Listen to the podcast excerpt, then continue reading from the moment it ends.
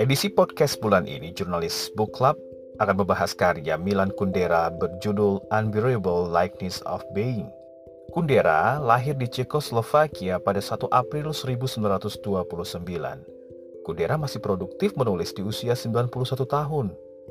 Novelis Cekoslovakia ini menjadi eksil di Prancis sejak tahun 1975 dan menjadi warga negara Prancis hingga kini.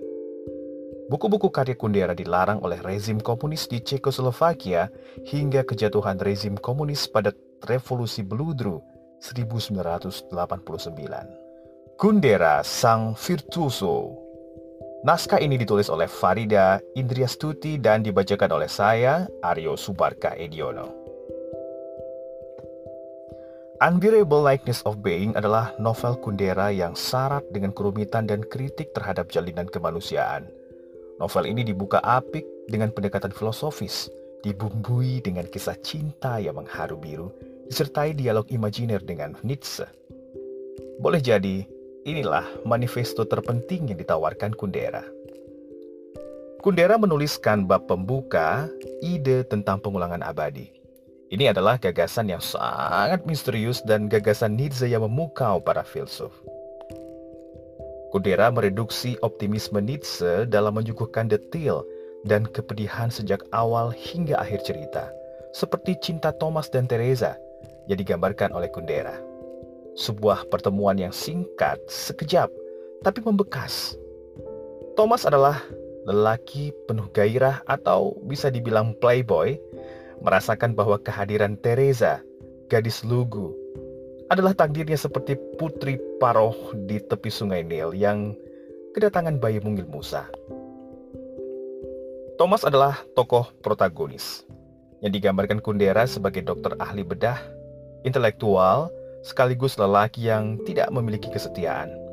Meski ia mempraktikkan filosofi cahaya, hidupnya tidak karuan. Seks dan cinta bagi Thomas adalah dua hal yang tak bertalian dan tak sungguh-sungguh ada. Katanya begini, tak masalah tidur dengan banyak perempuan dan mencintai seorang wanita Teresa.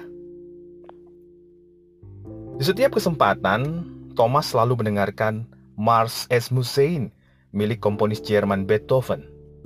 Di saat-saat menegangkan dan dikala ia menyeberangi perbatasan Ceko yang bergolak, diiringi tank-tank berlapis baja Rusia. Sungguh imajinasi liar yang melibatkan emosi yang dibayangkan Kundera Tak hanya jalinan asmara dengan banyak perempuan, cinta segitiga, pengkhianatan dan amoral, namun juga ketulusan hati di tengah kekacauan politik di langit Praha. Teresa adalah istri muda Thomas. Ia seorang intelektual, fotografer jurnalistik yang piawai menyelidiki masalah dalam konteks politik. Selama prahara di Praha, perempuan ini dibayangkan cerdas sekaligus perasa, yang memiliki kontrol atas tubuh dan pikirannya.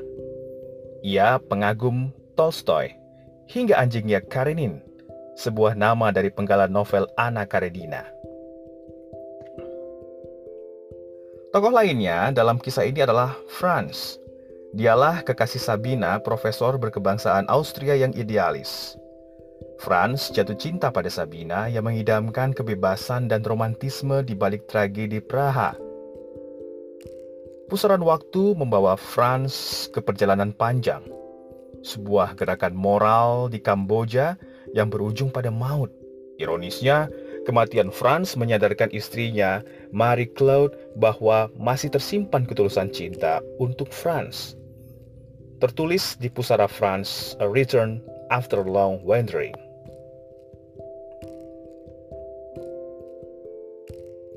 Kundera tidak hanya mengagungkan universalitas, tetapi juga mengkritik sistem komunis Cekoslovakia yang menyimpang pada periode 1960 hingga 1970-an yang dianggapnya tidak jauh berbeda dengan masalah hari ini.